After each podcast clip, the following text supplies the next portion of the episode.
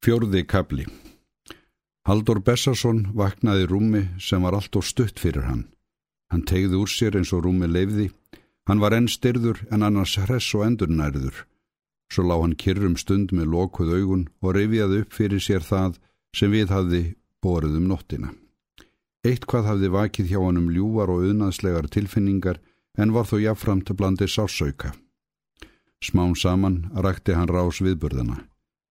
Dyrnar höfðu verið opnaðar af manni á sextúsaldri. Þetta var meðalmaður og hæð, dökkur á brún og brá, kvenlega fríður sínum og einstaklega fámall. Þeim var vísa til sætis við stort borð og fyrst borin kaldur matur, kjöt og brauð og slátur. Síðan fengu þeir flóaða mjölk. Og nú myndi hann hvað þetta var. Það var ungastúlkan sem bar þeim mjölkina. Það hafði síið á hann höfgi þegar þeir sátu þarna í hlýri stofin að loknum snæðingi, en drungin kvarf af honum á sveipstundu við það að hún kom inn. Hann helt fyrst að hann sæi offsjónir, að æsku vinkona hans væri komin, en hann áttaði sig strax á því að þetta var önnurstúlka sem myndi hann svo á hina að hann varð ángur væri í skapi. Hún var ljóshærð og lágvaksinn, sveipurinn mildur og barslegur, Munnurinn stór og varirnar fagur jóðar en smágerð hakan og lítið nefið vitnaðum veiklindi. Augun voru stór og dreymandi. Þau voru á enganhátt sérkennileg en virtust þó einkennilega dölarfull.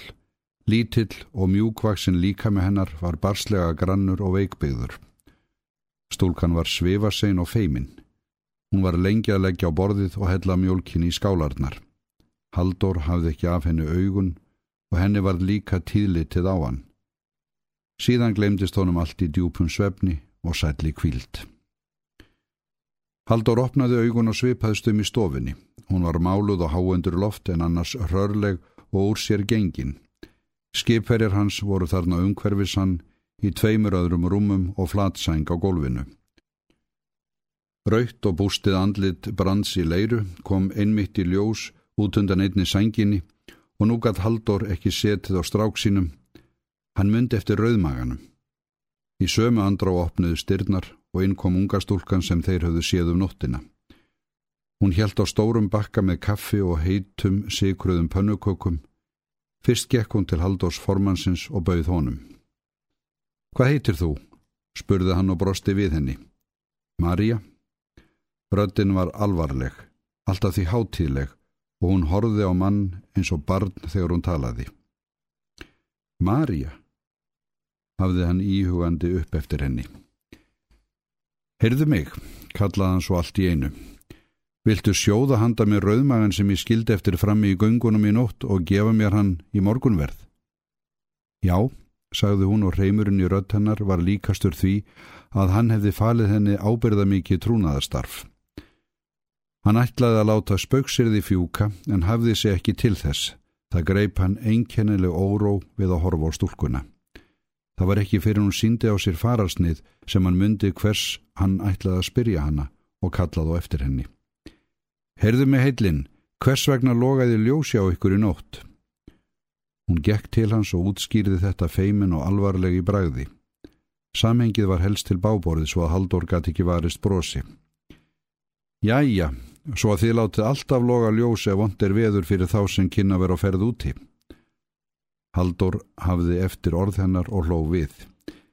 En þegar henni stökk ekki einu sinni brós en vandraðasvipur kom á mildilegt og smáfrítt andlit hennar, þá var þann líka alvarlegur í bragði og þessi einkennilega óró kom aftur yfir hann. Það var ekki fjarilegi að hann bligðaði sín án þess þó að vita hvers vegna. Hvernig er veðrið? Það var Jón í díavög sem spurði af sinni venjulegu stillingu. Veðrið, það er ofviðri, en þá verð henni jær. Hún var skjóð til svars, en eins og annars hugar. Svo fór hún burt til að hella upp á könnuna. Hefur nokkur kalið, spurði formaðurinn. Engan hafði kalið, ekki einu sinni á eira, ekki einu sinni á litlafingri. Hann sæði þetta dræmt og eins og honum þætti miður. Svo kastaði hann af sér sanginni og seldist eftir buksunum. Fjandi rúmið stutt, tautaði hann brosandi. Ég vildi sveimir ekki sofa í því hjá fjörugum kvennmanni. Svo raulaði hann rýmnastef fyrir munni sér meðan hann var að klæða sig og að stuttri stundu liðinni var hann komin út á hlað. Himinin var næstum því heiður, en hvasviðrið óskaplegt, síst lignar en daginn áður.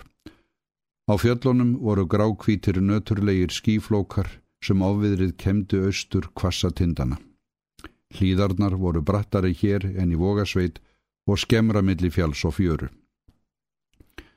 Haldur stóð þarna góða stund og horði út á hafið sem var eins og rjúkandi röst. Úti við sjónarönd gata líta vasslitla frosmóðu sem lágeng rauðleit vetrarsólin í söðri brá á riðrauðum blettum. Þeir hafðu verið hefnir í gerkvöldi, vestan við víkina, þar sem þeir lendu voru klettabelti og framöndan þeim ferlegir bóðar. Austan víkurinnar gengu breyðir hraunflákar í sjófram og austamið þá tók við laung og klettótt strönd. Þeir hafðu rekist á eina staðin þar sem hægt var að lenda svo langt sem augað eigði. Það færðist kyrð og fjálgleiki yfir haldur þar sem hann horði á olgandi úthafið með þrumugn í brimsins í eirum sér. Hann var hljóður í huga og forsjóninni þakklátur anspænis ógn þess og veldi. Og þvílik sjón, þvílik tign í orustugni í vetrarhafsins þegar það ætti í trilltum berserksgangi að auðnarlegri kvítri ströndinni. Hann vaknaði að dvala við að Marja kallaði á hann að koma að borða. Hann var gladur og ræðin þegar innkom, gerðað gamni sínu við skipverjana og fjörgaði þá upp og neykslaði til skiptis. Það var ekki mannað að ræða en sitja hér um kyrt og býða byrjar og best að vera hress og kátur og láta eins og allt í líki lindi. En þá fyrst var glatt á hjalla þegar gómsætur rauðmægin, ódrátturinn, var komin á borð, rjúkandi heitur og ilmandi. Haldur var svo ofsakátur að honum var skapinæst að fara kveða. Ofverið helst í marga daga.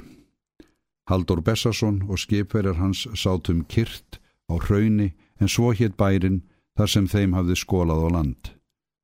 Þau tíðindi voru látin berast bæ frá bæ vestur á bógin strax á fyrsta degi, að þeir væru lentir, heilu og höldnu. Fréttin náði í vogasveit um nónbil á þriðja degi.